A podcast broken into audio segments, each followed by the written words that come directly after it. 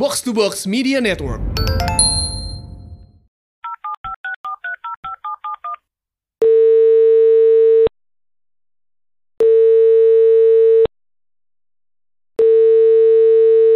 Hai, aku Via.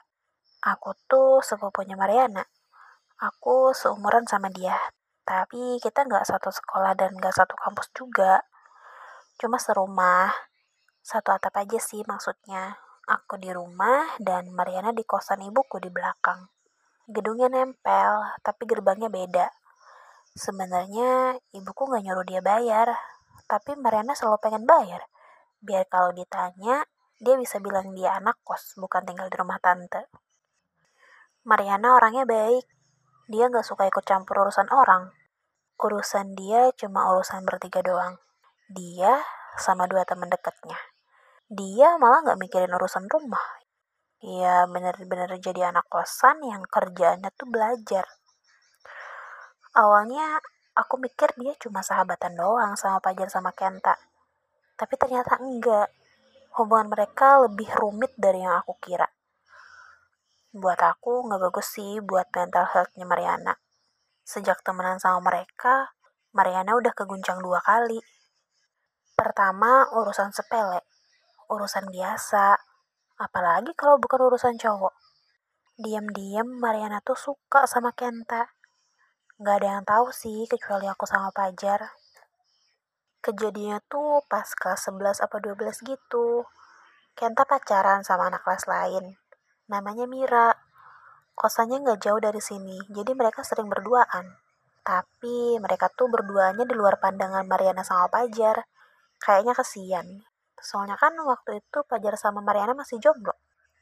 Eh, nggak lama kemudian Pajar pacaran sama Mita. Nah, yang jadi masalah sih bukan Pajar sama Mita, itu juga masalah sih. Tapi masalah yang pertamanya tuh si Kenta. Pas tahu kalau Kenta punya pacar Mariana jadi berantakan. Dia sampai nggak bisa sekolah. Ya gimana mau sekolah? Kerjaan dia nangis mulu. Yang orang-orang tahu mata Mariana merah bengkak dan berair karena infeksi jadi nggak boleh ditengok biar nggak nular surat sakitnya juga ada dibikinin sama tantuku yang kerja di rumah sakit Kenta percaya dong, tapi Pajar enggak. Pajar sampai nginep di kosan biar bisa ngurusin Mariana. Dia tidur di sofa. Dia malah bawa baju sama buku-buku segala. Tapi Kenta nggak pernah sekalipun lihat keadaan Mariana. Kelakuan yang bikin aku sama ibuku bingung tuh urusan patah hati aja bisa sampai separah ini. Kalau Mariana bilang dari dulu sama Kenta kan nggak akan kejadian kayak gitu. Tapi itu sih nggak seberapa ya masalah Pajar jauh lebih parah. Jadi kejadiannya tuh waktu kita tingkat satu. Polisi tiba-tiba datang sampai dua mobil. Kosan ibuku tuh disegel dan dijagain polisi sampai seminggu. Semua penghuni diperiksa dan mereka tuh kepaksa nggak masuk sekolah dulu sampai pemeriksaan selesai. Aku nggak tahu ya mereka tuh ngasih keterangan apa. Dan Mariana juga bilang dia nggak tahu apa-apa. Terus Fajar marah-marah Ya wajar aja dia marah. Semua orang kan mikirnya dia yang tanggung jawab. Terus tahu-tahu Fajar hilang kendali. Dia megang kedua lengan Mariana, dia guncang sambil nangis dan mohon-mohon biar Mariana cerita. Mariana tetap gak mau ngomong dong, tapi dia ngaduh.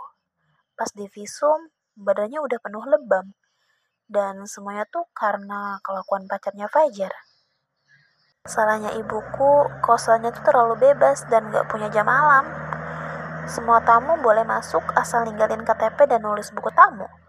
Terus masuknya juga dijemput sama penghuni, jadi ketahuan siapa tamu siapa. Saking banyaknya yang keluar masuk, satpam juga nggak tahu siapa pacar siapa, siapa teman siapa. Yang penting SOP-nya jalan. Mita sering bawa cowok ke kamarnya. Bukan Fajar, dia cowok baik-baik. Terlalu baik sampai dia nggak tahu kelakuan pacarnya. Mita suka kelihatan ngerokok di balkon kamarnya. Dia sering clubbing, bahkan hampir tiap hari pulang lewat tengah malam. Tiap malam minggu dia mabuk, dan tamunya bisa pulang minggu sore. Semuanya baru ketahuan pas buku tamu diperiksa sama polisi. Setelah hal itu terungkap, semua orang pasti bisa nebak dong apa yang dilakuin cowok itu di kamarnya Mita. Sebenarnya, Bayana tahu kelakuan Mita, Kamarnya termasuk di deretan depan. Dia suka tidur lewat tengah malam dan suka iseng lihat siapa yang masuk kalau bel penanda pintu kebuka bunyi. Jadi Mariana tahu siapa yang keluar masuk kosan. Tapi Mita juga tahu kalau Mariana merhatiin. Kelakuan Mita parah-parahnya itu pas kita masuk kuliah. Jadi kayaknya tuh sekitar setahun penuh Mariana diancam sama Mita. Dan Mita mainnya tuh fisik dia bikin Mariana manjangin poni, suka dandan, dan tiap hari pakai baju panjang. Awalnya aku pikir karena Mariana berubah, tapi ternyata buat nutupin luka-luka di badannya. Dia juga jadi gak banyak ngobrol sama aku. Kirain karena emang makin sibuk aja. Mereka bertiga juga jadi jarang nongkrong di sini. Dia juga gak pernah kelihatan bawa teman lain ke kosan.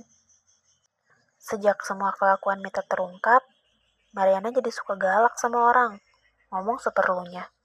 Gak suka nongkrong. Dia bilang dia takut. Dia juga gak mau nyeret siapa pun ke masalah dia. Cuma Pajar yang setia nemenin. Hmm, kayaknya gara itu dia gak nyari pacar lagi sejak putus sama Mita. Kenta juga jadi sering datang ke sini, mastiin kalau Mariana baik-baik aja. Tapi aku yakin kalau Mariana gak baik-baik aja. Dia gak akan pernah baik-baik aja sejak kejadian itu. Episode ini adalah bagian di tanggal 30 hari salah 2022 yang di kan komunitas The Podcaster Indonesia.